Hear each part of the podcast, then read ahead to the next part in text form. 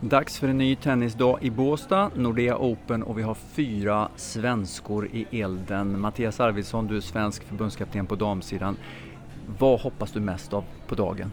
Eh, en spännande dag, eh, absolut, men jag hoppas på självklart många segrar. Ehm, och eh, det tror jag vi kan få med oss här på hemmaplan. Mm.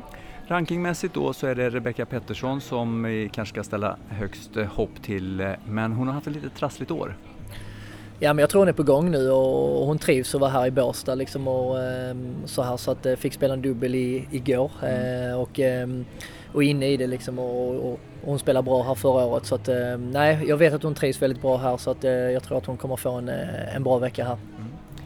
Årets eh, stjärnskott får man väl ändå säga då, den det har pratats mycket om sista månaden då, det är Miriam Björklund som kvalade in både i Paris och i Wimbledon nyligen. Eh, var står hon någonstans?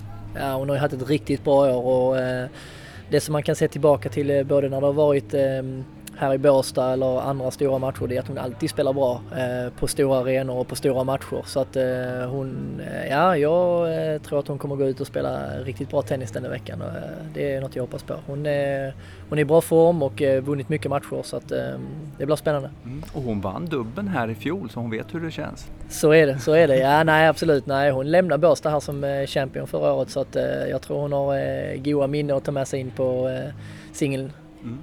Sen har vi Sverigetrean då, Kajsa Henneman, eh, som också då får slå lite underläge för hon är ju ändå rankad betydligt lägre än sin motståndare. Var, var står Kajsa?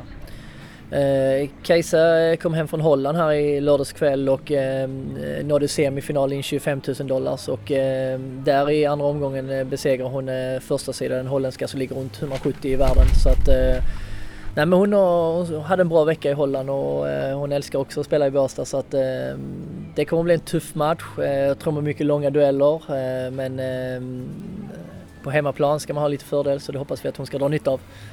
Du, hur mycket betyder den där färskvaran av att ha fått vinna ett par matcher? Eh, jag tror för henne så betydde förra veckan väldigt mycket. Eh, hon sa själv att nu kommer jag till Båstad med vinster i bagaget liksom och så här och framförallt tror jag också när hon har slagit ett par riktigt bra spelare som förra veckan liksom. Som, eh, så att nej, för hon tror jag att hon verkligen känner att hon har vind i seglet. Mm. Jacqueline Kabay Avad möter en tjej som kom från Bulgarien, ligger runt 110-112. Tufft?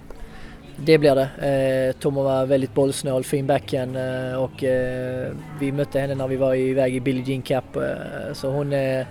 det kommer krävas en, en, en, riktigt bra insats för att man ska vara med och, eh, och skaka henne. Men eh, vi vet att Jackie kan spela tuff tennis och kan hon se till att få serva riktigt bra och vara väldigt offensivt så, så kanske hon kan in och skaka till lite här och där.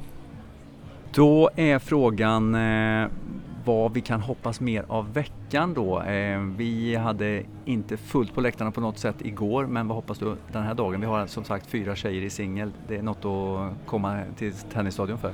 Ja men eh, historiskt sett så brukar det alltid vara mycket folk på tisdagar här för det brukar vara då svenskarna eh, kliver in lite. Så att eh, jag tror att det kommer vara mycket folk. Eh, plocka fram solen så är det ingen som, eh, som vill missa och se den här tennisfesten. Mattias Arvidsson, svensk förbundskapten på damsidan, säger så i tennis och vi hoppas på en solig eh, dag i Båstad.